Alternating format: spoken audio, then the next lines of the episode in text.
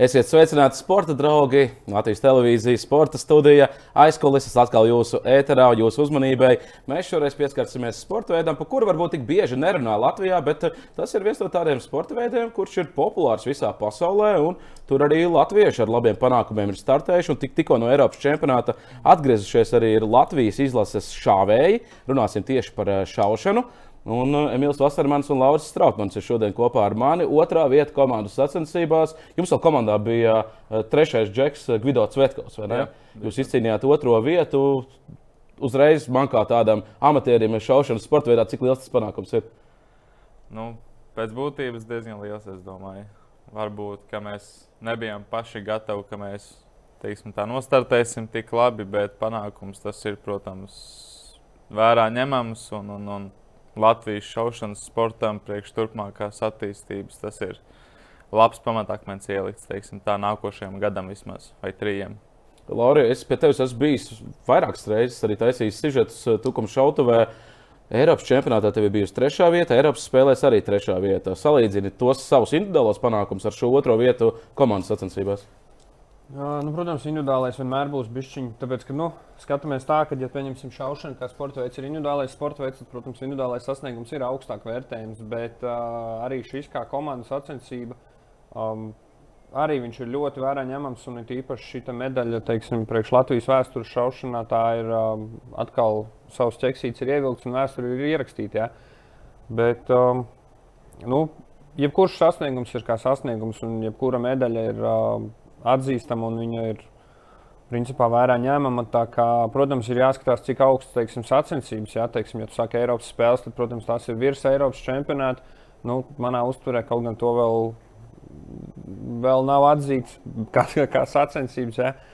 Bet uh, vispār es teiktu, ka uh, jebkurš arī šis, šī otrā vieta ir uh, ļoti, ļoti vajadzīga un ir ļoti svarīga teiksim, nākotnē, lai mēs atkal spētu teiksim, atskaitīties kaut vai un, un, un parādīt, ka mēs nu, uz vietas nesēžam un ka mēs varam konkurēt ar tām komandām, jo tāpat tās tā Eiropas čempionātā ir individuālie, kas startē, un uh, arī visas valstis, kuras startē koma nu, ar komandām. Visi tie džeki startē individuāli, un viņi ir principā jaudīgākie šajā līgā. Kā um, līmenis ir visaugstākais, nu, tas arī ir jāsaprot, jo šaušanā, kā tu zini, nav, nav baigi nu, svāra kategorijas, jā, vai vecuma kategorijas. Vai, nu, tad šeit ir tas, kad mēs startējam kopā ar pasaules, jeb uh, Eiropas līderiem. Un, un, un, un, un šoreiz mēs pat viņus uzvarējām visus. Tā kā ir ļoti liels gandrījums un par to ir tikai prieks. Jums individuāli arī labi sasniegumi ir. Uh, abi divi tikāt astotniekā, bet mazliet paskaidrojiet man, katrs startējāt savā pusfinālā, ierindojāties ceturtajā vietā. Kā beigās tur ir? Kuram ir kura vieta? Uh, ir tā, ka Pēc kvalifikācijas man bija otrā vieta. Tad bija trešajā vietā bija no valsts, bet viņam nebija tie. Viņš neskaitījās iekšā pie mums tajā. À, viņam bija, jā, tas ir. Viņam, viņš cīnījās tikai par reitingu punktiem. Viņš reitingu cīnījās par medaļu. Tad Lauris bija ceturtais kvalifikācijā. Teorētiski mums bija punkti vienādi. Bet šeit es biju nedaudz veiksmīgāks ar centra desmitniekiem, saucamiem. Tie bija man vairāk. Un tad ir pēc tam kvila, uh, fināla iedalījums ir tāds, ka pirmā vieta ir cīnās pirmajā vietā, otrā vieta otrajā finālā, trešā vieta atkal pirmajā finālā, ceturtā vieta otrajā finālā un tā līdz astotajai vietai tur sadalās. Šajā uh, situācijā mums izdevās ļoti labi tas, ka mēs bijām katrs savā pusfinālā. Jā, jā, jā. Un, jā, tad, uh, diemžēl nesanāca nostartēt tik labi, kā bija plānots. Es vēl aizmirsu savu finālu, tādu acī priekšā liekamo. Jo šaušanā mēs uh, skatāmies ar vienu aci, tā kā graudu gropiņu. Un kreisā acis ir uh, nepieciešams viņu tikai piesakt, lai nav jā, jātaisa viņa cieta, papildus maņas jāpieslēdz, lai tas netraucētu. Un es to lietu biju aizmirsis, tomēr stress spēlēja savu un lielos finālos kādu laiku nebija startējis. Tad jā, man tas fināls netika īpaši labi izdevās. Un tajos finālos es ieguvu, cik man bija 19,5 vai 21,5 punkti. 21,5. 21,5 punkti. Un, man bija 24. Jā, un Lauris savā finālā arī 4. diemžēl izkrita, bet viņam bija nedaudz vairāk punkti, kā man iegūta. Tāpēc, attiecīgi, viņš ir 7. es esmu 8. vietā. Bet tāda mazliet nožēla jau vienmēr, bet nu, tas ir sports, diemžēl, kad pēc kvalifikācijas tu esi ar pasaulē. Man liekas, šajā brīdī Nu, viņš ir reitingā pirmajā vai otrajā vietā. Olimpietis arī un sudraba medaļa, man liekas, viņam bija Mikičam Damiram. Nikačam individuāli. Jā. Vai kaut kas tam līdzīgs, bet nu labi. Katrā ziņā medaļnieks. Jā. Jā, un, un, un tu esi aiz viņa otrais, un tu esi jau parādījis tā jau ļoti spēcīgu rezultātu. Man liekas, Nu, tik bet- būs, nu, tik būs finālā. Jā, un, un, un beigās finālā tu nokrīt no otrās vietas uz astoto, un tu neesi nevis Eiropas čempionātā otrās vietas ieguvējis, bet astotās. Bet nu, šis ir tomēr tie, tie fināli, un tam visam, tas viss ir šovs, protams, tas viss ir vajadzīgs, un lai arī tam sportam attīstītu, lai cilvēki viņu skatītos to sportu, lai būtu tā intriga viņā, nu, tas ir nepieciešams. Ar to ir jā, jā, jā, jā kā saka, jārēķinās, Jārēķinās būs. tieši tā.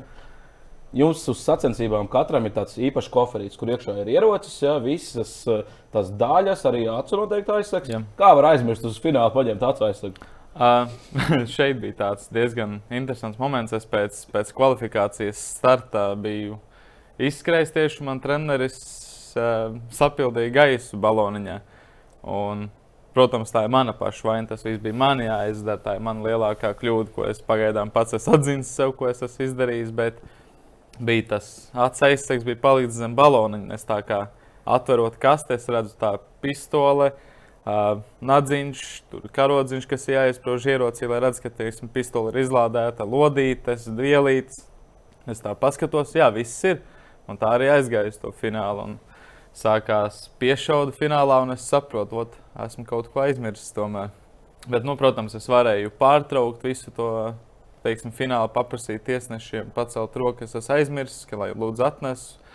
Bet tajā brīdī bija tāds satraukums, un es agrāk arī šāvu ar abām acīm vaļā. Es domāju, nu, varbūt jau būs labi. Bet, nu, redzu, šeit tā, tomēr tādas sīkas nianses spēlē ļoti lielu lomu. Un šajā brīdī man tas maksāja. Nezinu, cik vietas augstāk, bet, diemžēl, pēdējais no fināla palika 8. Nu, jā, vietā. Daudz, daudz tas, um, Daudz tas maksā. maksājām. Mēs runājam šobrīd par uh, 10, 10 metru uh, attālumu līdz mērķim. Jā. Pneumatiku. Ar pneumatiku, ar pneumatisko ša- pistoli. Cik mazā mērķī tur jātrāp? Cik liels ir tas mērķis, kur, kur ir jātrāp? Pats desmitnieks, man liekas, bija 11 mm. Jā. Man liekas, ka bija 11 11 mm. mm pats desmitnieks. Tas ir no 10 metriem, 11 mm. Nu, iztēloties, Nu, cent, centimetrā centrs. Jā, jā, jā, tas, Tas, ir. tas ir pats centrs un pats mērķis, cik ir viennieks. Um, Wow. es pat nezinu. Jūs pat nezināt. Es jau nešauju. Mēs jau viņā nešaujam, mēs Jā. taimējam tai mazajā. Mums uzdevums ir desmitniekā trāpīt. Jā. Un cik uh, bieži sanāk, pieņemsim, vienā sērijā ir desmitnieks sešot? Salīdzinoši reti. Jā. Bet gadās, no simts sēriju iešaut ir ā, grūti psiholoģiski. Pirmkārt, tas ir ā, varbūt piešaudē, kur neskaitās punkti. Pieņemsim, 1, 2, 3, 4, 5, 6, 7, 11 šāvieni. Viņi rādās bez sērijas. Piemēram, mēs uzspiežam uz sērijām, kad mēs šaujam, mums ir desmit, pirmais šāviens desmitnieks, piemēram, 10 punkti. Un tā ir jau devītais šāviens, 90 punkti tev ir. Un tu zini, ja tu iešai vēl vienu to desmitnieku, tas priekš sev augstu, priekš pārliecības, simts sēriju, tad ir labi. Un tad ir vienmēr sākās kaut kāds stress iekšā, tev ir jāmāk nomierināties, jāatcerās, kas tev jādara, jo vienmēr to pēdējo šāvienu nu, gribās nostrādāt. Nu, ļoti smūgi, kā juvelierim, kā mums treneris saka, gribās viņu nostrādāt. Un ir reizes, kad kaut ko sanāk piemirst. Vai nu tas ir pirkstiņa darbība, jo pirksts visu laiku patstāvīgi nedaudz, nedaudz, nedaudz spiež to mēlīti. Nospiediens bija Puskilogramu. puskilograms, jā, bet nu, tur ļoti lēnām spiež, spiež, spiež, spiež, spiež. Jā, tur grauds gropiņā un rokai ir jābūt tai aptuveni tai tēmēšanas vietā. Un tajā brīdī no tās stresa kaut ko piemirstās, vai nu graudiņš ir kaut kur zemāk, vai pirkstiņš asāk parauj. Tad, nu, tad trāpās kaut kāds deviņnieks projām. Ir 99 sērija, kas tāpat tās ir ļoti pietiekami. Es pat brīžiem labāk šauju 99 sēriju nekā to 100 sēriju, jo pēc 100 sērijas ir ā, vienmēr grūti uzsākt. Tāpat arī man tagad bija tajā Norvēģijas Eiropas čempionātā, man bija kvalifikācijā pirmā sērija uzreiz 100. Ar tādu pārliecību es nebiju iesācis startus jau sen. Bet nākošā sērija redz uzreiz grūtāk. Pi- eh, div- 11. šāviens man bija 9,5 tieši lejā. Jo viss stabilitāte viss bija ļoti labi. Pirkstiņš nospieda superīgi, bet es ar acīm skatījos to tēmēšanas vietu. Un tajā brīdī es nepamanīju, ka grauds ir nedaudz iegrims. Smuku šāvienu izšām pastāv, viņš ir 9,5 lejā. Tad jau atkal, protams, sākās atkal stresiņi. Tad, tad, tad, nu, jāmāk savākties pēc tam, ir, teiksim, lai tu uzsāktu uzreiz to nākošo sēriju, turpinātu jau, jau ar desmitnieku. Fiziskais nogurums, tu pieminēji. Kur jums tur ir fiziskais nogurums? Nu, labi, es saprotu, ka nu, šādi tur roka nu, pēc piecām minūtēm viņa būs sākus sāpēt. Nogurums, Pēc minūtes jau viņa sāk sāpēt. Ja tu pistoles sver manējā precīzi 1000,7 gramus. Tas ir kilograms un 7 gramus. Nu, kā kur svar, protams, bet viņi ir jātur statiskā slodzē visu laiku nekustīgi. Un tur jau attiecīgās muskuļu grupas, piemēram, paņems minūti, tagad tu noturē to kilogramu kaut vai hantelīti. Pēc tās minūtes jau jūties, ka tev šī vispār muskultūra jau ir sagurusi. Nu, mūsu gadījumā mums ir uh, stunda 15 ar starplaikiem, tā pistole ir jāceļ. Plus vēl pirms tam ir piešauda, vēl ir uh, iesildīšanās atsevišķi, kur mēs vienkārši pret baltu melnu sienu turam graudu gropiņā cilājam. Bet jā, tā izturība vienkārši nepieciešama dikt. Un brīžiem gadās tā, ka nē, es kādu laiku trenējies, kaut ko fiziski darījis, un tas mums ir jādara visu laiku iekšā. Un to mēs arī treneriem esam pateikuši, ka, nu, lai pieliek klāt bērniem treniņu procesā arī kaut kādu fizisko slodzi, un tas palīdzēs, jebkurā gadījumā palīdzēs. Un tad, ja piemēram, kaut kādu laiku to neesi darījis, un arī tāpat stabilitāte, jo tajā brīdī, tev ir roka jātur pilnīgi nekustīgi, tad viņi tā tomēr kustās kaut kur. Sāk trīcēt. Nu, jā, Sāk trīcēt. Jā, Rēķini jā. pats tev ir centimetrs, kurā tev ir jātrāp. 10 metru attālumā. Nu, tev nevar, tu nevari atļauties tur šitā, ka tev roka it kā liekas, nu es taču varu noturēt, bet šitā jau viņi tev sāk staigāt, un jo ilgāk tur, jo vairāk sāk staigāt. Jā, nu, jā. Un, tad tas ir tas, kas, ko tev muskuļi dara. Nu, principā tas laiks, kurā tev ir jāizšauj no pacelšanas brīža līdz tu viņu nolaidi, teiksim, tajā vietā, kur tev ir jātēmē, ja? nu, tur ir kaut kādas vidēji 8 sekundēs, tad tas šāviens būtu jāatstrādā. Jo līdz ko sāk iet jau ap kaut kādām 12, 13 sekundēm, nu, tur tā roka sāk uztēties. Acis tev tāpat tās sāk, piemēram, vairs Sagot, precīzi jā. nerādīt tur graudu gropiņu, ja tu sāc pazaudēt kaut kur kaut ko tajā laikā. Nu, un, ja tu tur jau 20 sekundes, tad viņi vairs, nu, iespēja, ka tu trāpīsi desmitniekā, ir tīri tik, cik veiksmi. Jā. Tā kā tā, tur ir tas ir, nu, tiešām, kā jau teicu, ļoti smalks un juvelieram līdzīgs darbs. Nu, tāds. Kāds ir jūsu tāds, pats galvenais vingrinājums, lai tā roka būtu stabila? Es saprotu, ka tur arī ķermenim jābūt ir, e, taisnam un tādā vienā līnijā. Ja? Nu, Palielam, jā, noteikti, ka dziļā muskulatūra ir svarīga.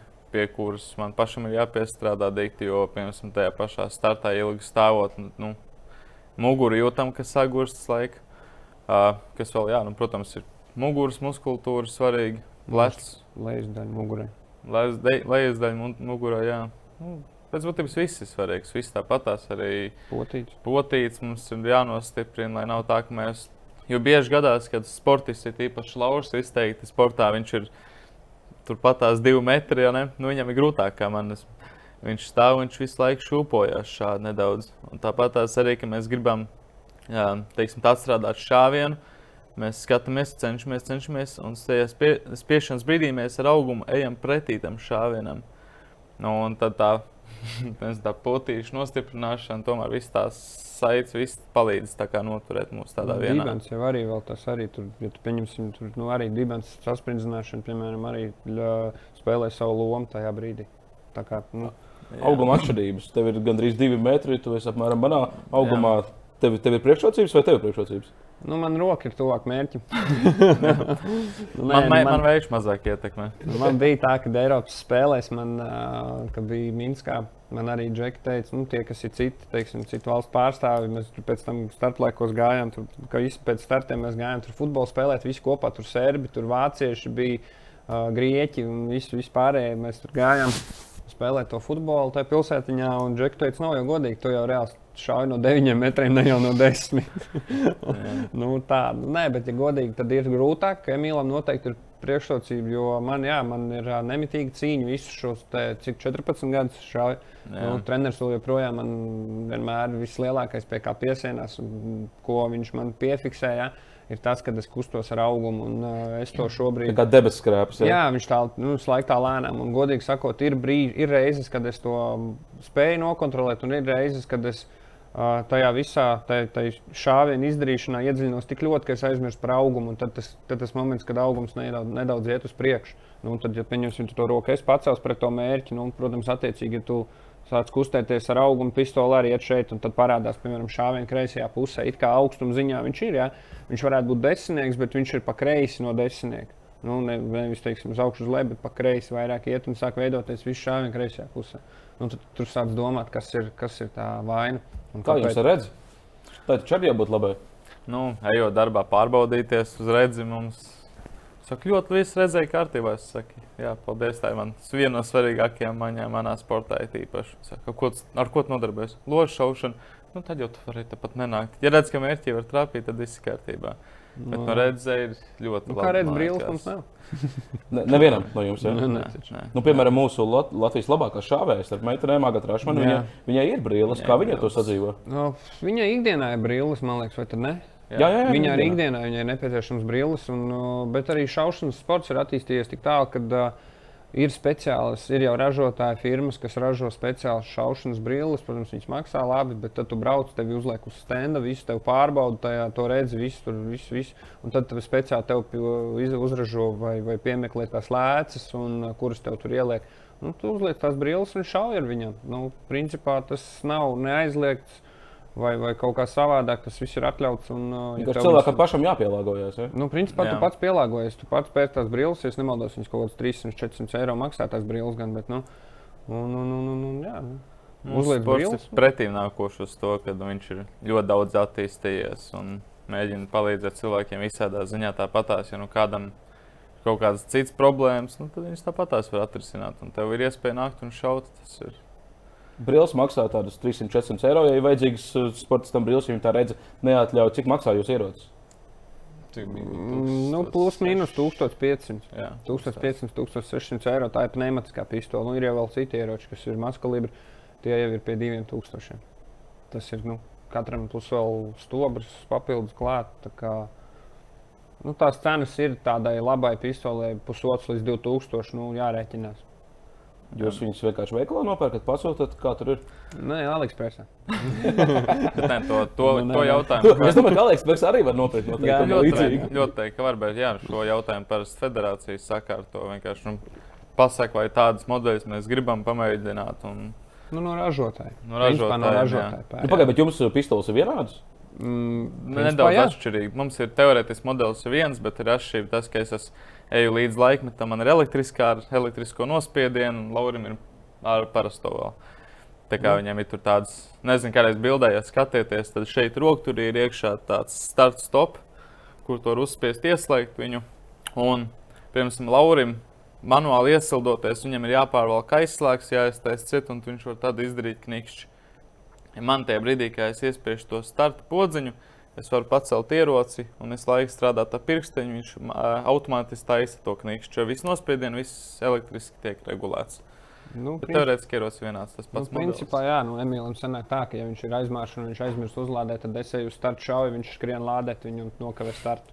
Jā, Nu, tā tas ir. Līdzīgi. Kāpēc tas palicis pie ve- vecās sistēmas? Tāpēc, kad es uzticos vecajai sistēmai, un man viņa nekad nav pievīlusi. Un, uh, manuāli, kā, kā, kā es teicu, jā, vecais, nu, tā kā es tev arī tikko teicu, nu, manu pistoli treneris paņems, izjauks uz galda, uzliks. Viņa ir tāda pati, es uzbūvēju kā Emīlam. Bet, uh, principā, kaut kas noplīsīs ar elektroniku. Viss, principā, Emīls var iet prom un viņš var likt to pistoli nost. Tur neviens neko tev neizdarīs, izņemot paši ražotāji, pie kuriem tu vari iet pēc tam un teikt, ka tev tur ir problēma. Es, nu, man tāda problēma atkrīt vienkārši. Bet, Jā. uh, jo man arī nesagādā problēmu šaut ar to pašu, jo izspiediens ir vienāds smagums viņiem.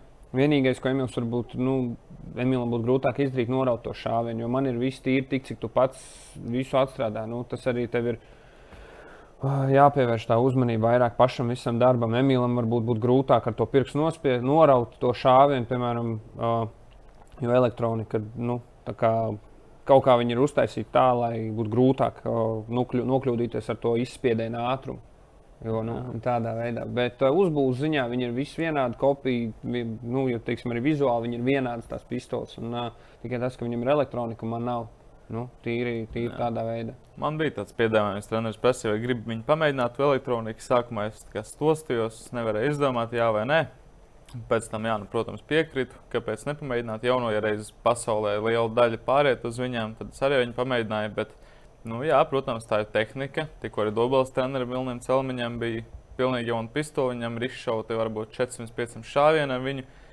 Tad viņi vienkārši aiztaisot aizslēgi ar lodīti iekšā, viņi pati sāk šaut. Un tad pēc tam viņi vairs vispār nešāva, mēs tikko atvedām pie, pie pārstāvjiem uz Eiropas čempionātu. Viņi tur bija, un viņi saka, ne, viss ir kārtībā. Tad treneris iet pagājis, kā viss kārtībā. Nav viss kārtībā. Ja nešauj. Viņi nešauj, jā, viņi nestrādā. Viņš bija mainījis smadzenes, to elektronisko čipiņu, visu iekšā. Viņi tā, nu, tāpat nestrādāja, bet tikko aizved pie pārstāvjiem, laikam strādā. Nu, tur, nu, tā ir tehnika, protams, un ir tīpaši elektronika, kur Labi, ieroči jums ir vienādi, bet nu, plaukstas jums ir atšķirīgi. jā, viņiem Protams. ir lāča ķepa, man ir normāla rociņa. Jā. Tur taču arī tas viss rokturis noteikti ir citādāks jums. Ja? Nu, Jā. jā, nu, Emīlam Rokturs ir oriģinālais. Man ir kaut kas oriģinālais, taisīts. bet arī treneris ir piedzīvis ar pastām kaut kādas vietas, pieņemsim, lai plaukstā ietilpst vairāk, vai lai pirksti stāv teiksim, tā taisni pretī, ir nepieciešams to roku tur nedaudz pagarināt. Bet Pa laužu Nu, savu roku var pastāstīt. Nu, jā. man ir tā, ka es, uh, mans pistols rokturs uh, bija, bija sūtīts uz Spāniju rokas nospiediens. Nu, mans, teiksim, plaukstas nospiediens, visi izmēri, viss. Un uh, man viņu Spānijā taisīja, man to rokturi. Un, ja oriģināli nāk rokturs līdz ar pistoli no ražotājiem. O, bet man bija tā, ka es savu sūtīju speciāli uz Spāniju. Tur cilvēks viņu taisīja ar datoru. Nu, tur viņam bija tur tas, nu, 3D Jā, viss tur. Nē, nē, nē. Viņš tā kā nu, griež, viņš izgriež, bet uh, lielā tādā tā kā printerī, jā, bet uh, vienkārši ieliek koka kluci un tur robots izgriež pēc, pēc ievadītā. Nu, Pēc datiem. Jā. jā, jā, jā. Nu, ot. un tad pēc tam bija tā, ka man to roku tur atsūtīja atpakaļ, it kā gatavs.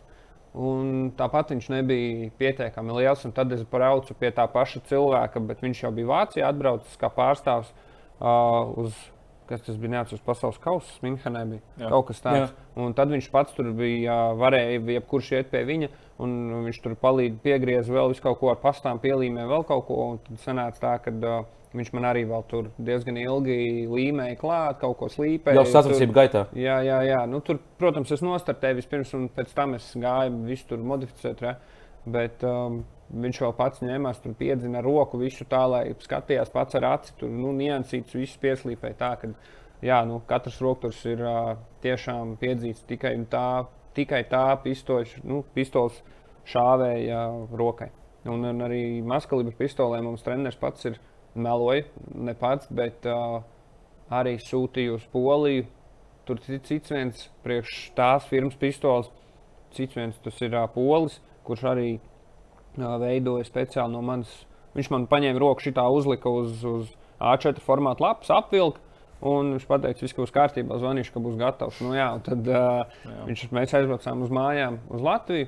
Un uh, viņš aizbrauca uz savu darbnīcu, teiksim, pēc tam, ka viņš tā, ka bija gatavs. Viņš vienkārši nu, piestādīja rēķinu, ats, atsūtīja visu, un arī tad treneris vēl šo to tur bija pielaboja. Bet tā, principā, tīri individuāls. Tas ir, ta, nospiediens. tas ir maskalība. Tas bija maskalibram, Mhm. jā, uz Poliju, bet pneimatikai savai es sūtīju no, uz Spāniju taisīt. Vēl viena interesanta nianses, Emīl. Kur ir tavs spēcīgā roka? Kreis, es, es esmu krējls, jā. Bet šādi ir labo. Šo ir labi. Kā tas var būt? Nu, labs jautājums. Es nezinu, nu, psihologs saka, attīstīt, ir abas smadzeņu puslodes attīstītas. Es saku, vienkārši padevies. Bet, jā, treneris uzzināja, ka es esmu krējlis kaut kādus 8 vai 9 gadus, kad biju sportā, jau kad rakstīju piet, nevis pieteikumu, bet ieroču kontrolas lapu pildīju. Treneris saka, to kreiso rakstu. Es saku, nu jā, treneris, es esmu krējlis. Kāpēc tu šauji labo? Es saku, jūs man iedevāt, tad to es arī šauju. Nu, tā, es arī, tā es arī šauju. Bet es pamēģināju, es teiktu, tā negribu mēģināt ar kreiso. Es šauju ar labo, viss kārtībā, man izdodas. Viss ir, bet, A, tu pat ar savu vērto roku kreiso nemaz neesi mēģinājis šaut. nu, pamēģinājis esmu, bet Gan jau, ka jau vajadzētu ātri Gan jau, ka vajadzētu, varētu visu izdarīt, jo daudz arī šauja kreiso roku. Nu, daudz ne. Ir retums, lielākā daļa kreļu, nu, gruzīnu šauja kreiso roku, Nu, jā, jā. kaut kādu pāris džeku šauja kreiso roku, bet es šauju labo. Un, nu, arī ir gadījies, ka mēs sacensībās kaut ko pārunājam. Nu, viņš saka, ka tas ir krēls, bet šauju labo. Es saku, nu, jā, nu, ar ko iedevu, to arī šauju. Nu. Kāds ir, ko iedevu, ko šauju? Tu Nu, ierod ar ieroci, tur otru roku nevar paņemt. Nē. Nu, Roktūrs ir, teiksim, tā, ka es esmu paņēmis šitā, viņa ie- ieņēmis rokā, viņam te viss tie izliekumi, viss, viss viņš ir paredzēts tikai labajai rokai. Krei, kreisais roktūrs ir viss tas pats, tikai uz pretējo pusi. Nu, spoguļi. jā, jā, jā, tieši tā. Un tad ar labo, labās rokas pistoli man iedeva treniņos, kas atnāca 7. gadā pamēģināt. Tā es arī strādāju. Nu, es jau nezinu, mazs puika, es biju, nu, ko man iedod, to es arī šauju. Nu. Tad arī, tad arī sāku ar to šaut. Un... Bet ne, ne pavisam noslēgt. Nu, laikam. laikam. Jā. Vīri Eiropas čempionātā. Nu, šobrīd arī pasaulē notiek trakas lietas saistībā ar Ukrajinu un Krievijas iebrukumu Ukrajinā. Kā bija Eiropas čempionātā? Kādas, tur attiecības? Jo, teiksim, Ukrāņi, Krievi.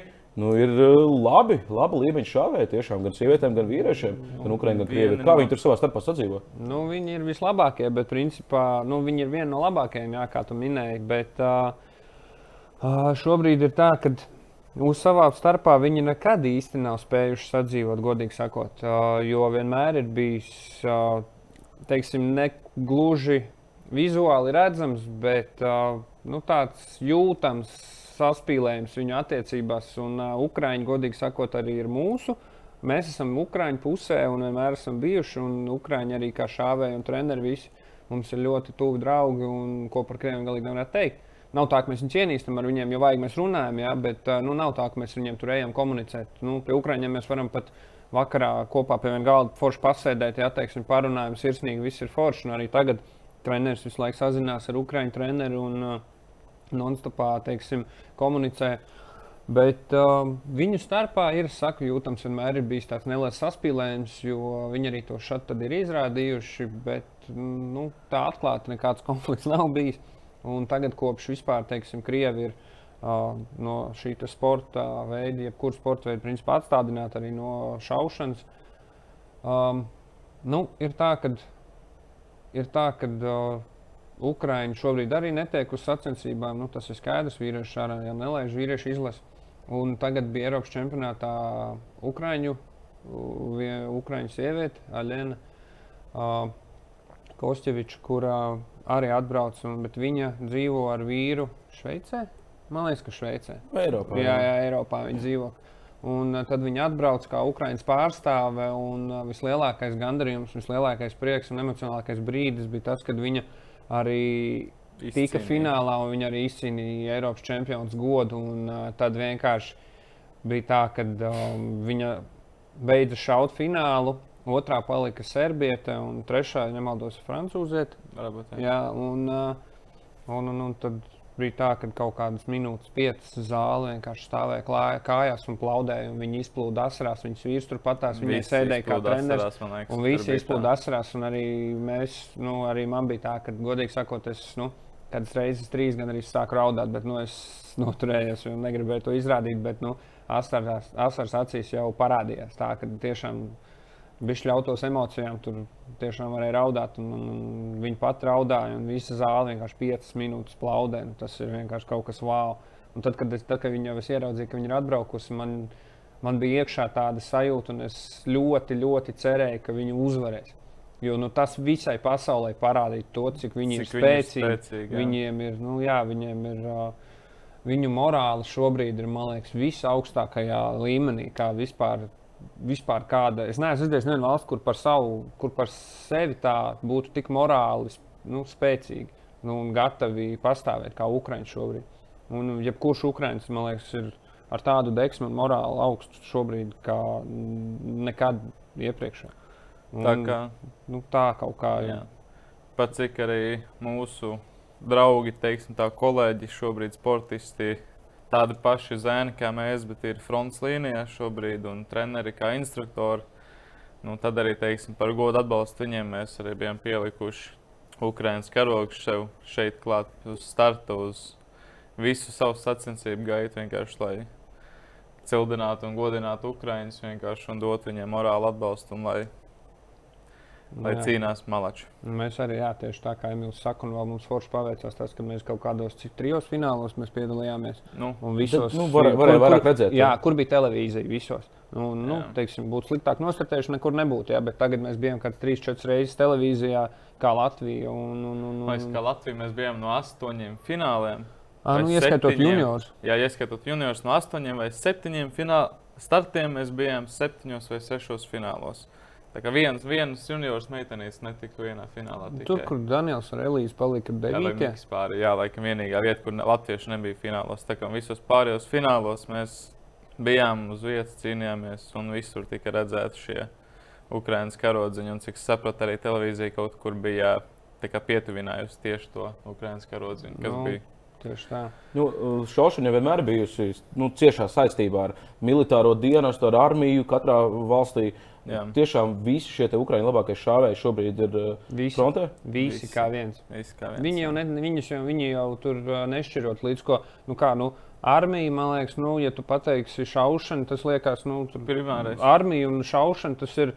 Iet roku rokā, tas ir kā sinonīms gandrīz. Jā, nu, jebkuram tu pasaki, ar ko tev saistās armija ar ieročiem šaušana. Jā. Nu, tas ir skaidrs.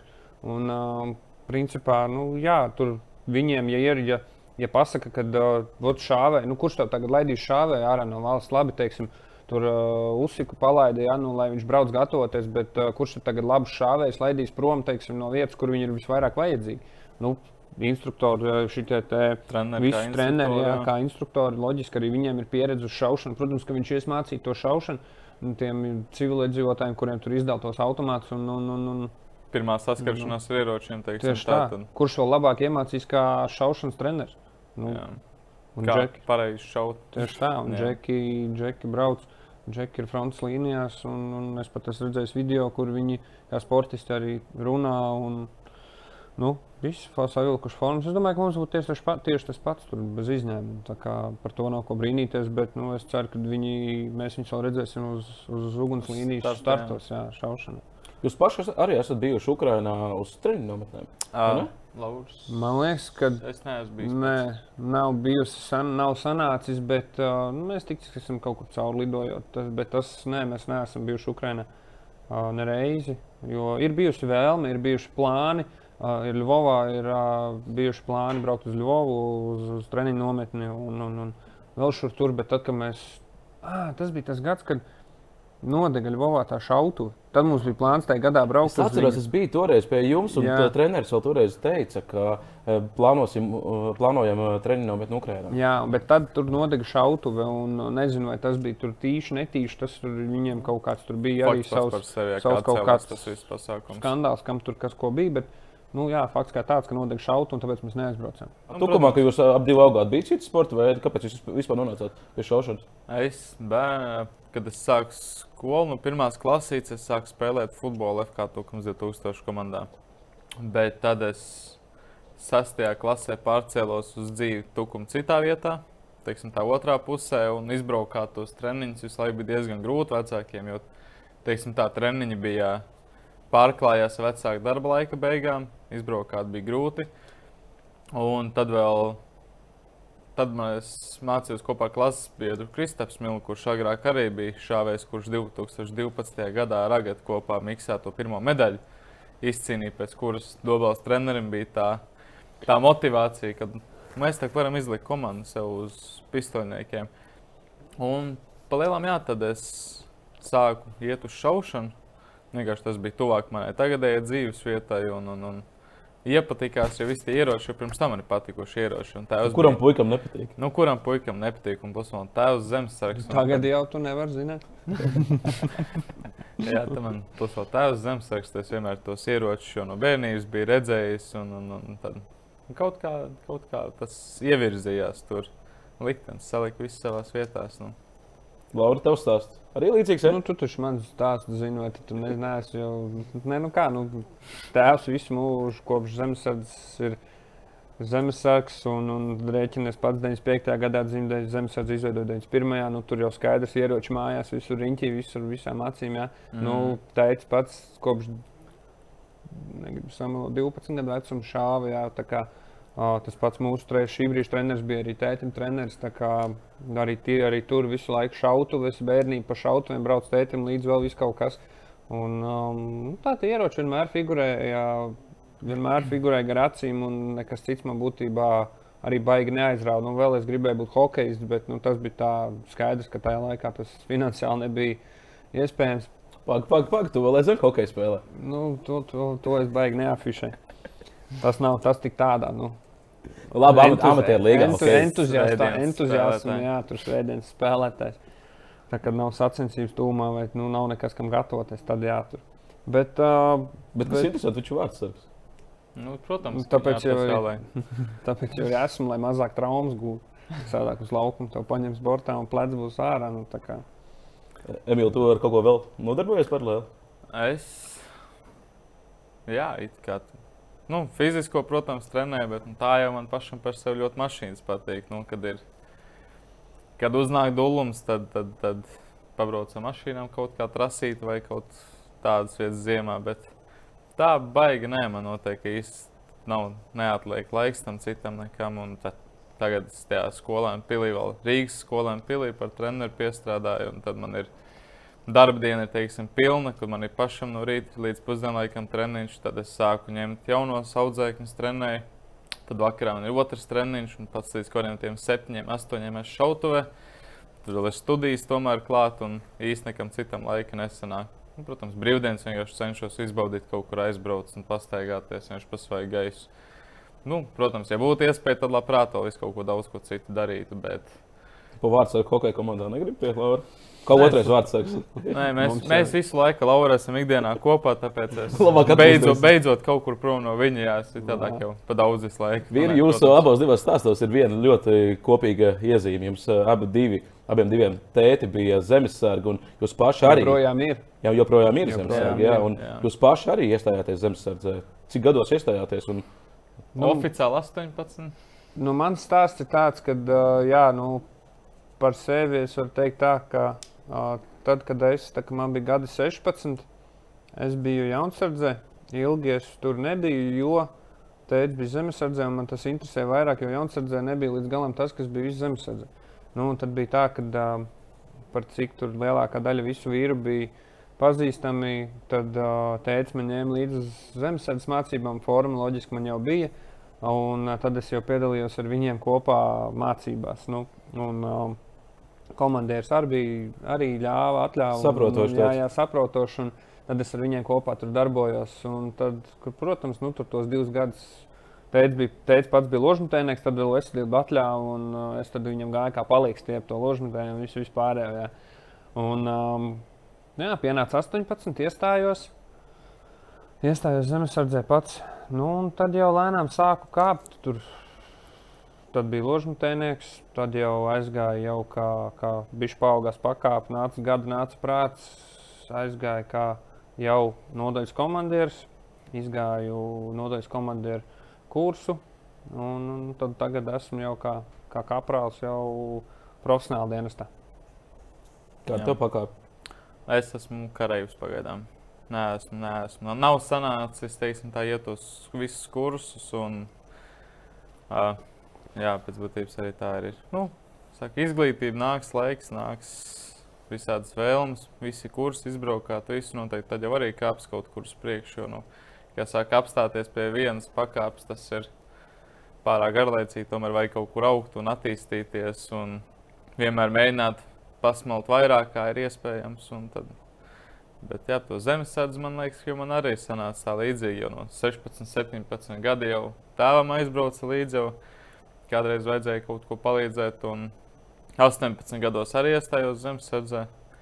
Tad mēs kopā jau ar Lauru braukājām uz mācībām. Tur jau ļoti daudz tēva draugi jau bija iepazīti. Jau, un, un, un, un, un kopā ar tēvu arī vēl pabraukājām uz mācībām. Un, teiksim tā, labs, labs tēva un dēlā pasākums kopā uz meža aizbraukt ar večiem, pasēdēt. nu, pasēdēt, gluži tur nestrādāt. Bet... Pastrā, pastrādāt, padarboties, paņemties, paskriet. Vīrīt, paskatoties arī to, to tēmu, ko mēs tikko izrunājām par uh, Ukrajinu, tad mēs varam savilkt kaut kādas paralēlas par zemesardzi. Cik svarīgi ir zemesardze un vai tas vispār uh, vīrietim Latvijā ir uh, vajadzīgs?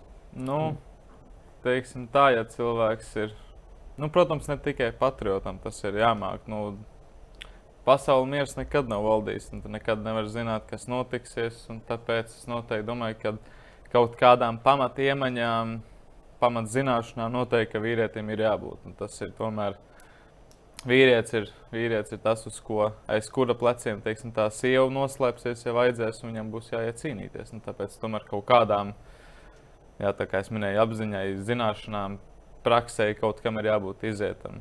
Tas tomēr tāds Nu, jā, teorētiski es piekrītu Emīlam, jo nu, paskatāmies uz to, kas notiek Ukrajinā. Jā, pēkšņi sākās karš un uh, līdz, kuram, līdz pēdējiem brīdim, kurš nevienam Uh, neviens, kam neticēja, ja, ka tas tiešām notiks. Nu, tagad, teiksim, vienkārši cilvēkiem, civilizētājiem bez pieredzes uz ielas dala automātu. Ja.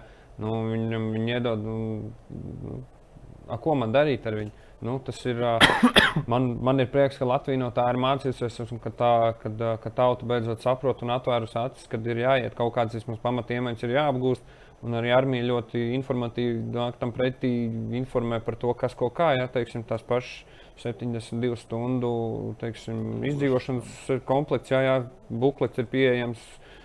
Un, uh, kaut vai tik minimāli, bet uh, arī zemesardze, manuprāt, ir viena no pamata, pamata vietām, ko šobrīd, teiksim, kur stāties un uh, ko apgūt visas militārās nepieciešamās zināšanas, teiksim, darbības ar ieročiem un tā tālāk. Uh, tas viss tā pieprasījums zemesardze arī ir audzis. Es pēdējais, ja nemaldos, bija seš, seškārtīgi. Ja? Nu, tas, ir, tas ir tikai apsveicami. Cilvēki ir beidzot sapratuši, jo līdz, līdz tas viss nenotika Ukrajinā. Uh, ļoti daudz bija runātāji Facebook komentāros, ja, kad nu, mums tā armija vispār ir vajadzīga. Tagad, kad tas notiek tepat tavā kaimiņ, kaimiņos, tad tu saproti, ir, ir sapratuši, ka tomēr laikam kaut ko vajadzētu iemācīties citu. Nu, un plus vēl tā zemesardze kā tāda, man konkrēti ir ieteikums, protams, daudziem iet, visiem, kas ir, kas, kas ir spējīgi to darīt, ja, un kam ir iespējas, jo tāpat ir, nu labi, tas pamatā, pamatā tā ir zināšana apguve, valsts aizsardzības, bet uh, otrs, teiksim, kas arī nebūtu varbūt tik mazsvarīgi, tā ir tava izraušanās no tavas garlaicīgās ikdienas. Jo visiem ir skaidrs, ka teiksim, tavs darbs, mājas, darbs, mājas, darbs, mājas. Rutīna, jā. jā, tava rutīna visiem ir jau sen apnikusi. Un cilvēki ir ļoti īgni tikai tāpēc, ka viņi savā dzīvē neko nespēja mainīt. Un uh, zemesardze kā tāda ir ļoti, labs, ļoti laba vieta, kur iestāties, lai mainītu savu teiksim, ikdienu. Jo tev neviens no ne, neliks iet prom no darba. Ja? Tu uz zemesardzes mācībām dodies savā no darba brīvajā laikā, vai arī tad, ja tev, pieņemsim, to ir nepieciešams tajā zemesardzē, tad tevi no darba uz tām dienām palaidīs. Ja? Un, uh, A, tur nāk oficiāls pieprasījums. Jā, jā, jā, tur komandieri uzraksta teiksim, uz tavu darba vietu, tam darba devējiem vēstuli, ka tu esi nu, uz, to un to, uz tiem un tiem datumiem vajadzīgs un uz mācībām vai citiem dienestu uzdevumu izpildīšanas pienākumiem. Ja? Un, uh, plus vēl teiksim, tev par to maksā un ne pat maz. Ja? Uh, Un, uh, Tavu darba dienu atmaksā. Jā, nu, tas ir arī atkarīgs tā, labi, tur kādam ne jau tur, protams, juristam vai vēl kaut kam, bet, teiksim, tur sēdniekam vai tādiem visiem, ja, kuriem minimālās algas, nu, ja tev pēc tam mēneša beigās atnāk vēl papildus nauda no zemesardzes, tad nu, tas ir noteikti labs bonus. Un jo vairāk tu tur esi bijis tās dienas, jo vairāk tev atnāk. Un, uh, tas ir viens, tas ir teiksim, tas, uh, kas ir iespējams, ko var izmantot tie, kam ir darbs. Ja? Bet uh, tie, kam nav tā darba, arī, protams, zemesardze, bet uh, es ļoti daudziem līdz šim, kas ir teiksim, sūdzējušies, ka man nav darba vai, vai, vai man ir ļoti slikti apmaksāts darbs, jauns džeks, teiksim, ja? Viņš ir spējīgs. Man, jā, spējīgs džeks. Ne, nav nekādas problēmas ar policiju. Laba vēsture, viss, nu, nav nekādas kriminālās sodāmības, nekas. Es viņam saku, ej uz armiju. Nu, ko tu gaidi? Tev ka kāds kaut ko atnesīs, ej uz armiju. Ui, nē, trakses. Ļoti daudziem tas stereotips vispār ir tāds, ka uh, visi domā, o, armija, tā kā Krievijas laikos, ka tev tur aizies, tur bez mazliet tev, nu, tiešām, jā, tiešām, ka tev tur dzīve vairs nebūs, tiešām liks ar sarkots, viņu kamēr deg apģērbties, jā, un, un nezinu, tev tur sitīs, spārdīs vai vēl kaut kas. Nu, Mums šobrīd ir ļoti civilizēta armija, nu, ļoti civilizēta armija, un tie ir tie paši darba pienākumi, kādi tev ir ikdienā. Uh, teiksim, varbūt teiksim, vienalga tā, kāds ir amatstājs, protams, vai tu esi teiksim, armijā mehāniķis vai vēl kaut kas, bet tev ir alga, un tev ir stabila alga, tev ir apdrošināšanas, tev ir visas veselības Sociālās, kompensācijas, jā. sociālās garantijas. Nu, tas ir vienkārši, un tā alga sākumā pat nav minimāla. Tev jau viņi ir pie tūkstoša, jau tad, kad tu tikko esi zaļš gurķis iestājies. Plus, ja tev ir gudra galva un gribi vairāk, pēc tam saproti, ja tev tas patīk. Ej kursus, kāp pa karjeras kāpnēm, pakāpes paaugstini, ja, un tev tā alga tikai augs, un ar izdienu arī viņa aug. Un tas ir šobrīd, manuprāt, viens no tādiem Drošākai. lielākajiem, labākajiem, drošākajiem, jā, kā Emīls saka, drošākajiem um, ceļiem, ko darīt dzīvē, ja, teiksim, tev, nu, tev liekas, ka tev viss nu, vairs nav iespējas. Nu, ka viss Man, ir slikti. Jā, ka viss ir slikti. Jā. Nu, ir zemesardze, aizies zemesardze. Nu, vienalga, teiksim, ot, negribu armiju, profesionāli dienas, aizies uz zemesardzi. Tur tev maksā, saproti, patīk, nepatīk, ko tu māki, ko tu vari dot, ko tu nevari, kas varbūt jāiemācās, saproti, mm, patīk, varu, uh, forši eju, eju uz profesionālu dienas. Viss, sāku pelnīt, sāku strādāt. Ļoti labi. Plus, vēl, ja vajadzēs, zināšu, kā valstī aizstāvēt savu māti, tēvu, uh, savus bērnus, sievu, omīti, vienalga. Nu, tur jau man, pieņemsim, šobrīd tieši ienāk, ienāca galvā. Es, nu, protams, kā Facebookā šeit pasēžu un, un uh, ienācu, es redzēju vienu citātu, kad uh, karavīrs jau cīnās ne jau tāpēc, ka ienīst to, kas viņam ir priekšā, viņš vienkārši mīl to, kas viņam ir aiz muguras. Nu, tas ir pilnīgi patiesi un loģiski, jo nu, es neienīstu, teiksim, ne to pašu krievu tautu, ne nekādu citu tautu, pilnīgi nevienu, jo es uzskatu, ka tie cilvēki jau nav vainīgi, vainīgi ir tā politika. Un, nu, tā tas vienkārši ir. Un, uh, es sargāju to, kas ir mans un kur es dzīvoju, kur es esmu nu, šobrīd. Es to sargāju. Es, to, es esmu patriots, godīgi sakot, līdz pat no, no matiem līdz pēdām. Ja, tu man domāšanu neizmainīsi, un es darīšu visu, lai šī zeme būtu brīva. Un, un, un ja vajadzēs, es arī iešu pirmajā frontes līnijā, vai kurā man liksiet. Man pilnīgi vienalga. Liks braukt, teiksim, nezinu, iet uz robežu vai uz Ukrajinu braukt, arī braukšu. Klau, zemesardzes mācības, cik ilgi aiziet tāda pirmā apmācība pilnīgi zaļam gurķim, kas iestājās? Trīs nedēļas. Man bija jā, trīs nedēļas tajā laikā. Vai tagad nav vairāk? Nē, nu ir, ir nometne trīs nedēļas, vai arī teiksim, sadalīts. Teiksim, ir pa nedēļas nogalēm. Tu pats izvēlējies, cik tu pats pat vari izvēlēties, cik, nu, kā tu apgūsi šo apmācību. Vai nu trīs nedēļas uz nometni pataisno, ja, un no līdz, vai pa nedēļu nogalēm tu brauc uz uz kuriem man liekas, uz šo skrundu, bija jā, uz skrundu. Jā. Tu brauc un tevi apmāca nedēļu nogalēs. Jā. Nu, mm. nekas tur sarežģīts nav. Tur iemācīs visu, visu, visu, kas ir jāiemācās, kas tev ir jāzina. Noteikti, protams, uz fizo būt drusku padzenās, jo nu, tas, ir, tas ir vajadzīgs. Tomēr tā ir. Tā tas ir, ka instruktoram ir teikšana, un tev viņš ir jāklausa. Tā ir tomēr audzina pie disciplīnas, vai liek, tad ir jāizdara.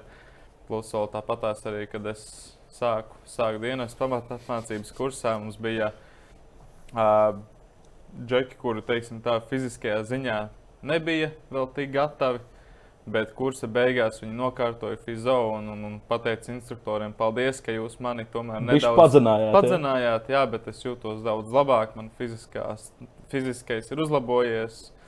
Un, nu, tas jau, kā saka, viss ir tikai teiksim, tā, lai iet uz augšu visu tā tavu veiktspēju cilvēkam, nevis lai nodzinātu un tevi degradētu vai kaut kā citādāk, nu, demoralizētu. Vienalga. Tas viss ir tikai, lai tevi uzlabotu, lai tev palīdzētu. Nu, nevienam jau tur nav doma tevi teiksim, tā, palikt zem, no, vai novērtēt sliktāk par kādu. Vai, jo kopistiskais mērķis tevi ir, lai tu pabeidz kursu. Tā kā vien tas vienalga, ko tas maksā, bet tas būs tev pa labu tikai.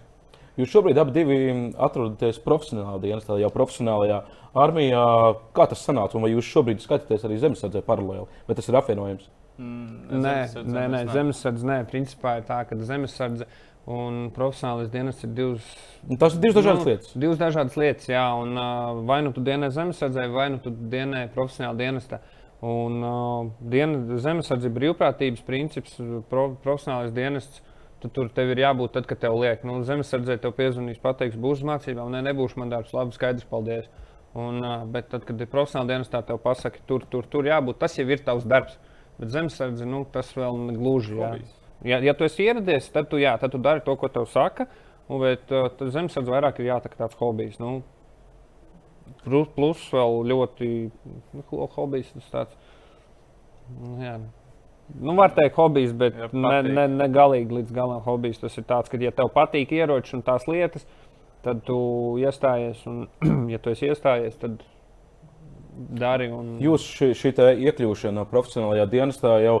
Nu, Varbūt skaļi par to nerunā, bet jums jau tā šāvējiem tā dzīve nav bijusi viegli. Tīri pēc 18, 19 gadiem, kad jūs pabeidzāt eh, skolu, ka bija jāsāk pelnīt pašiem uh, naudu. Uh, jums tagad tas profesionāls dienas ir stabila alga. Uh, ir vieglāk nekā agrāk. Es zinu, ka Lauris strādāja savā laikā pa apsargu, pa naktīm, lai tikai varētu nopelnīt naudu. Viņš divus gadus strādāja dien, nu, jā, diennakts, diennakts darba, kad, kas ir nu, apsardzē. Un, un, un, un tad es arī piestrādāju paralēli.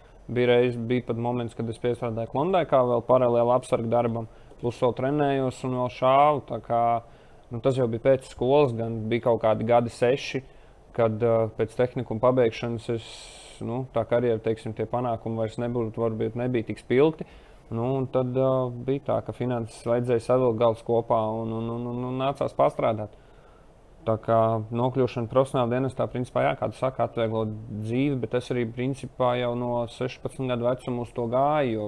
Es zināju to, ka vienu dienu, jau 16 gadu vecumā, es zināju, ka vienu dienu es dienēšu profesionālā dienestā. Nu, kaut kad sākšu. Nu, tagad ir tas brīdis pienācis, kad es to esmu sācis un uh, nepavisam nedomāju no tā atteikties. Emīl, kur tu piestrādāji? Vai tev bija uh, mazliet vieglāka situācija? Nu, īstenībā es mācījos policijas koledžā, un pēc tam es strādāju policijā, saimnes objektu apsardzē. Bet bija ļoti grūti, teiksim, tā, tādā ziņā, ka bija maiņu darbs, un kur jūs esat noteikts skaits uz noteiktu skaitu, kur ir jābūt. Tad bieži nācās tā, ka man ir jābrauk uz sacensībām, uz treniņu nometnēm. Jūs viņam arī sākumā teicāt, ka es nāku šeit ar domu, ka es tomēr braukšu un būšu sportists primāri, nevis, nevis, nevis šajā darba vietā. Nu, un tad bija tā, ka daudzreiz sanāca ņemt neatmaksātas brīvdienas, jo, nu, diemžēl, nesanāca tā, kā, kā gribētos. Bet jā, tādā, tajā brīdī es vienkārši parunājām ar treneri treneris, treneris, treneris centās parunāt, sakārtot lietas profesionālā dienestā, tā lai mēs varētu normāli strādāt un šaut un darboties visam armijas interesēs arī. Teiksim, ir. Un tad, jā, tad es aizgāju no policijas un pievērsos profesionālam dienestam, jo nu, tur bija daudz elastīgāks, pretīm nākošāks grafiks. Un, un, un, teiksim, tā šeit gan manas spējas, armijas intereses ir vienā plauktā ieliekamas, un tad es vienkārši braukāju uz armijas mačiem, tāpat tās pārstāv armiju. Un, un, un, jā. no armijas sporta klubs tagad sāk atkal uh, atgriezties. Ja, nu, pieņemsim, padomju laikos tas bija standarts, ka sportisti armijas sporta klubos uh, bija un tā bija labākā vieta, principā, kur uh, nokļūt vislabāk nodrošinātā. Tad vēl bija varianti 90. gada beigās atceros, ka arī pie ugunsdzēsiem, pie policijas un arī pie armijas līnijas sportistu. Tagad es skatos, pēdējo laikā Līga vēl ir armijas sporta klubā, vairāk biatlonisti atkal ir armijas sporta klubā, kuri arī ir profesionālā dienestā. Jums ir tāda pati situācija, cik saprotu, šāvējiem šobrīd mums? Jā, jā, jā, mums, jā. Ir, mums ir tā pati situācija, tāpēc, ka nu, tie cilvēki, kurus tu nosauc, piemēram, teiksim, tas pats uh, jubilejas orientieris, ja, arī viņš ir uh, profesionālā dienestā, viņam ir orientēšanās. Mēs esam vairāk vasaras sporta veidi. Protams, skaidrs, ka nu, ziemas sporta veidi armijai varbūt nav tik daudz. Un, uh, nu, kaut kāda biatlons ir vienīgais. Nu, jā, nu, teorētiski, ka tur arī ir šaušana, jā, nu, tādā ziņā. Un, uh, bet, uh, pieņemsim, tie paši bobslēgas, tie ir zem iekšlietu ministrijas, kas ir zem policijas. Kā, jā. Tas pats Maijas Briedis bija nu, policija un arī no turienes. Viņi, nu, tas ir tāds, katrai, katrai šai ministrijai ir kaut kādi savi, tie, nu, tā ir iegājies, ka viņiem ir savi katrai sporta veidi. Gan drīz, vai, protams, varbūt ne tur galīgi atklāti tas tā ir pateikts, bet nu, tas ir redzams. Un, um, ja, kā, jau, kā jau Emīls teica, nu, šobrīd jūsu sporta veids ir vienā plauktā ar profesionālā dienesta interesēm. Nē, nu, bet, nu, tāpēc es tev pirmie arī minēju. Nu, pirmais, par ko tu iedomājies, ka tu dzirdi vārdu armija, ir šaušana. Nu, tas ir arī šaušana, ir viens no primāriem armijas sporta veidiem. Te es zinu, kā, nu, kāpēc nedot cilvēkiem iespēju, ja viņi to grib izmantot. Es zinu, ka daudz ir tādi, kuriem tu pasaki, dari to, dari to, dari to. Viņš darīs tieši pretēji. Viņam redz, vajag iespītēt, viņam ir savs temperaments. Viņš nu, negribēs, ka viņu kāds nokomandē. Nu. Šeit ir cilvēki, Des Laursola, kolēģis Rihards Zorgarī, kurš tādā pašā situācijā, kur mēs, mēs vienkārši gribam to darīt. Mums tas patīk, tas ir mūsu sirdslieta, visi tie ieroči, tā šaušana. Un, kāpēc nedot cilvēkiem iespēju? Un reizes armija, iespēja, armija ir tā vieta, kur mums šobrīd to iespēju dod. Tāpēc mēs arī cīnāmies. Šobrīd Eiropas čempions sudraba medaļa. Tas viss, viss, viss ir pakārtots tā, lai, lai cilvēkiem vienkārši kaut kur mērķis dzīvē ir kaut kāds. Vienkārši uz to ir jāiet. Nevienmēr vienam pašam to mērķi ir iespēja īstenot. Dažreiz vajag tomēr kādu, kas tev pieturēs pleca vai pastumj uz priekšu nedaudz. Un, šajā brīdī arī noteikti tā finansiālā situācija, ka tev ir kaut kāda tā darba alga, ko tu saņem pretī par to. Tev nav jādomā par citām muļķībām. Nav naktīs apsargā jāstrādā. Nu, teiksim tā, jā, vienalga. Nu, tas ir vienkārši šeit, ņemies, dari. Nekāda stresa tev vairs, teiksim, tā nav. Tu atvēlē, atvēlē sevi sportam, dod sevi vienam kaut kam. Nevis. Es zinu, kā var darīt vienu lietu, kā man tēvs teica, vai nu pieķeries un izdara kārtīgi, vai nedara nemaz. Un te arī man tāda tā situācija bija, kad es tajā policijā strādāju protams, viss darbs tur viss bija ok. Nu, tur tur kaulas nelauž, un, un, un, bet vai nu es varu darīt šaušanu kārtīgi un cīnīties tur, vai arī tikai to. Nu, protams, manējā izvēle bija par svariņu sasvērās uz šaušanas pusi, un tāpēc arī ievirzījos citos darbos vienkārši iekšā. Jo tas ir. Man interesē jautājums šāvējs, kurš desmit metros pneumatikā ir nu, labs pasaules līmeņa sportists kā jūs. Viņš automātiski būs arī ļoti labs šāvējs ar divroku šauteni. Mm. Nosacīti, bet es varētu vairāk piekrist, ka jā, jo ir tomēr tās divas svarīgākās lietas šaušanā, kas ir, kā tu redzi, graudu gropiņā, tēmekļa tēmēšanas ierīcē, vienalga optika, vienalga, kas tev ir, teiksim, tā, tā tēmēšana un tas, kā tu nospied to pirkstu. Jo, nu, mēs, kā saka, pirkstu nevaram spiest ātri, un tās iemaņas jau uzreiz tiek attīstās, tev viņas tiek iedotas viss. Un, piemēram, arī, kad es gāju pamatā apmācības kursu, mums bija ar, ar G36 triecienu šauteni. Tā ir Zviedrija. Nē. Nē. Tā ir uh, Austrijas. Austrijas, man liekas. Heklerkoks, jā. Nu, mums arī bija viņu 100, 200, 300 metru šaušana. Nu, es sašauju 29 no 30 trāpījumiem. Kā... Un kā pārējiem kolēģiem, kur nenāca no šaušanas? Uh, ar maniem nāca kopā vēl Rihards Zorga, arī kolēģis. Viņam bija 26 trāpījumi, bet pēc tam bija liekas, kaut kādi ap 20, 19 trāpījumiem. Tā kā, nu, redz, tomēr tas tā pieredze šaušanā spēlē kaut kādu lomu. Un, un, un, un, un tas ir tēmīgāks. nu, es papildināšu, principā, jā, tas, ko. Nu teorētiski tev var dot, ka, ja tu esi kā šāvējs, teiksim, vismaz mūsu gadījumā noteikti. Um, ja tu esi jau kā šāvējs tos ilgus gadus un jau pietiekami labā līmenī, profesionāls un tā, tad tev var dot pilnīgi jebkādu uh, ieroci, jebkādu šaujam, šaujamo, jebko šaujam ja? rīku. Jā. jā, šaujam rīku, kaut vai ārbaletu. Pilnīgi vienalga tev tā sapratne, kā izpildīt pareizu labu šāvienu, jau būs vienalga divām rokām, ar vienu roku, vai tas ir ložmetējs, nu, teiksim, kā man bija jāložmetēji. Nu, arī, uh, arī tur visus kursus es armijā pirms zemesardzes pirms tam gāju. Nu, tur arī viss kārtoja. Nu, tev ir vienalga, uz cik lielu attālumu, uz cik lielu, ar cik lielu ieroci tev liek šaut. Šāvienu izpildīšanas pamattehnika un elementi tev jau ir tāpat skaidri tu jau viņus zini mierīgi noturēt, jā, vispārējais tēmēšana, stāja, pozīcija vienalga. Nu, tu tāpat izdarīsi pareizi to šāvienu, ja tu zini, kā šaut. Tā kā teorētiski, Emīls arī viss pareizi pateica. Un, un, un vienalga, ko tev dos, tu tāpat šausi. Un pareizi, un tu, tu labāk sašaus nekā kāds cits, kurš, kuram nav tās iemaņas. Un, es domāju, tas ir likumsakarīgi. Jā, tieši tā. Es arī gribēju teikt, likumsakarīgi. Mm -hmm. Labi, vīri, nu, kāds, kāds ir nākamais mērķis? Eiropas čempionāts ir uh, aizvadīts. Tagad nākamās sacensības, vai varbūt uz mācībām jādodas? Nē, šobrīd, šobrīd nākošais mērķis ir oktobris. Tās ir uh, reizes četros gados sacensības, saucamās pasaules čempionāts. Un tagad, tagad, tagad jāsāk gatavoties nopietni tām sacensībām. Pa starpē noteikti ir jāpaņem vairāki pasaules kausi. Vairāk, es nezinu, vai sanāks viens vai divi viņi būs. Vēl ir, protams, mazās sacensības, bet nu, noteikti vēl treniņu nometnes ir jāņem. Un... Un tam visam pa vidu jāpabeidz augstskolā pirmais kurs. jā, ja, bet kā, tas pasaules čempionāts, ne bet Eiropas čempionāts tagad pierādīja, ka mēs tajā vīriešu konkurencē tomēr varam cīnīties.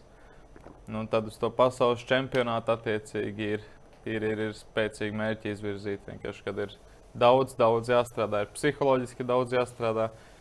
Um, pašam pie tehnikas ir daudz, kas ir jādara klāt. Un, teiksim, es atceros, ja pareizi atceros, iepriekšējais pasaules čempionāts bija Korejā. Pareizi? Jā, Dienvidkorejā. Nu, tur mums galīgi labi negāja. Negāja, negāja labi. Negāja. Mums, nu. man bija, teiksim, tā, man gāja. Vienā vingrinājumā es iešāvu tā brīža rekordu, kas bija tas 50 metru vingrinājums, to garo pistoli, kas ir Maskalibra. Maskalibra, jā, to es iešāvu tā brīža rekordu, un man bija 14. vieta, laikam. Tur Tur Nē, nu- viss toreiz arī bija šokā. Tas Bet jau tas viss- vingrinājums neinteresē nevienam, jo Nē, tās nu- vairs nav olimpiskais. Jā, tas ir olimpiskais, uh, nu, olimpiskā disciplīna. Tā, nu, jā. jā, jā. Par Pēc, tavu to piedod, Emīl, ka es tev pārtraukšu. Bet, uh, nē, viss kārtībā par to, ko tu teici. Bet uh, tas ir izskaidrojums, es tev pateikšu, ar ko tas ir. Tāpēc, kad 14. Gad, gadā, kad mēs uh, startējām Spānijā, Granadā, pasaules čempionātā, nā, nu, jā, mēs bijām jā. kā juniori. Mēs izcīnījām zelta medaļas komandā, jā, un es individuāli paliku trešais, Emīls ceturtais. Uh, bet uh, tad, kad mēs startējām jau Korejā, tā jau bija pie. Tas bija pie- 18. gads. Ja? Jā, Mhm. tas jau bija pie pieaugušajiem. Tur jau mēs startējām nevis kā juniori, mēs jau tur startējām pie pieaugušajiem. Un principā tie bija pirmie, Pirmie divi gadi? jā. pirmais vai pirmais gads. Kad, nē, pirmais gads bija 17. Jo es Eiropas čempionā pie, pie pieaugušiem arī toreiz to trešo vietu dabūju mačinē. Bet, uh, tas bija pirmais pasaules čempionāts pie pieaugušiem. un Tas jau ir kaut kas cits pavisam. Tas vairs nav. Tas vairs nav ne junior vecums, ne tas, ka tu teiksim, no juniora tu nevari uzreiz iz, uzlikt uz pieaugušo līmeni. Un, ot, Atkal arī, topā, jā, un arī būt uzreiz topā. Nu, tas ir nereāli. Ir jāpaiet vismaz šiem pieciem plus mīnus gadiem. Uh, kā kuram gan, bet nu, aptuveni pieci, kas šobrīd mums ir pagājuši. Arī šeit mēs redzam, ja, ka pieci gadi pagājuši Eiropas čempionātā, mēs esam otrie. Nu, tad mēs varam šeit sākt jau lēnām jau domāt par konkurēšanu ar uh, spēcīgākajiem. Bet uh, 18. gads noteikti nebija tuvu tam. Un, uh, gan fiziski, gan psiholoģiski, gan emocionāli mēs tam visam arī ne tehniski mēs tam vēl nebijām gatavi. Nu, bet uz sacensībām bija jābrauc uz pasaules čempionātā, ir jāstartē. Jā, nu, kā sanāca, tā sanāca. Bet uh, mēs, nu, protams, gatavojāmies un ne jau aizbraucām zaudēt. Bet nostartējām savu tā brīža uh, gatavības rezultātu. Nu, kā mēs bijām gatavi, tā mēs bijām gatavi. Bet uh, es domāju, ka tagad ir vēl jāiegulda darbs. Nu, šogad skatīsimies, kā būs. Plus vēl tad rēķina tā, nu, tā koreja mums ir. Tas bija tas, ka arī no 6 stundu starpība. Trešajā dienā mums ir jāstartē kopš ierašanās. Nu, mēs nevaram aizbraukt ātrāk, jo mums nav tam finansējums visam. Un, līdz ar to mēs nevaram neaklimatizēties vai ko. Jo līdz ar to nu, tas ietekmē. Tas nav tur, ot, ņem tagad noskrien vienalga, cik tagad stundas ir šeit starpība. Jā, nu, kā tu skries, tā tu skries. Bet tas, tas šeit ir tīri tāds nu, smalks, smalks sporta veids. Un, ja tev neksim, neesi izgulējies vai uzmanība vēl kaut kas pazūd, mm, viss tur neko tu nešaus. Ilgi esam runājušies par šaušanu. Ko lai jums uh, novēl? Veiksmi profesionālajā dienestā, veiksmi profesionālajā karjerā. Ja? Un šauj garām. Kāpēc? Garām. Ko tas nozīmē? Tā ir. Tas ir tā kā men- Zvejniekiem nesakas, tā, tā, tā šaušanai šauj garām. Jā. Tas arī, tas arī sportistam, kā saka, man kā sportistam no tevis izsaka visu. Vienkārši tā ir visa veiksme, ko tu novēl, tā arī vienā, divos vārdos šauj garām. Labi, ir tad šauj, šauj garām visu atlikušo karjeru. Paldies! Labi, paldies, Lauris Strautmans un Emīls Vasarmans bija kopā ar mums eh, Latvijas izlases šāvēji, kur tik, tikko izcīnījuši ar otro vietu komandas sacensībās Eiropas eh, čempionātā. Interesanta saruna. Nu, ma- es domāju, ka viņš būs jau, jāuzaicina jūs vēl pēc kādām sacensībām. Oktobrī mums bija pasaules Oktobra beigās, jā. Tā varbūt vēlreiz uzaicināsim un parunāsim arī par šaušanas eh, sportu. Es no jums atvados, bet tiekamies jau nākamajā nedēļā ar pavisam citu no sporta studijas aizkulisēs raidījumu. Vislabāk!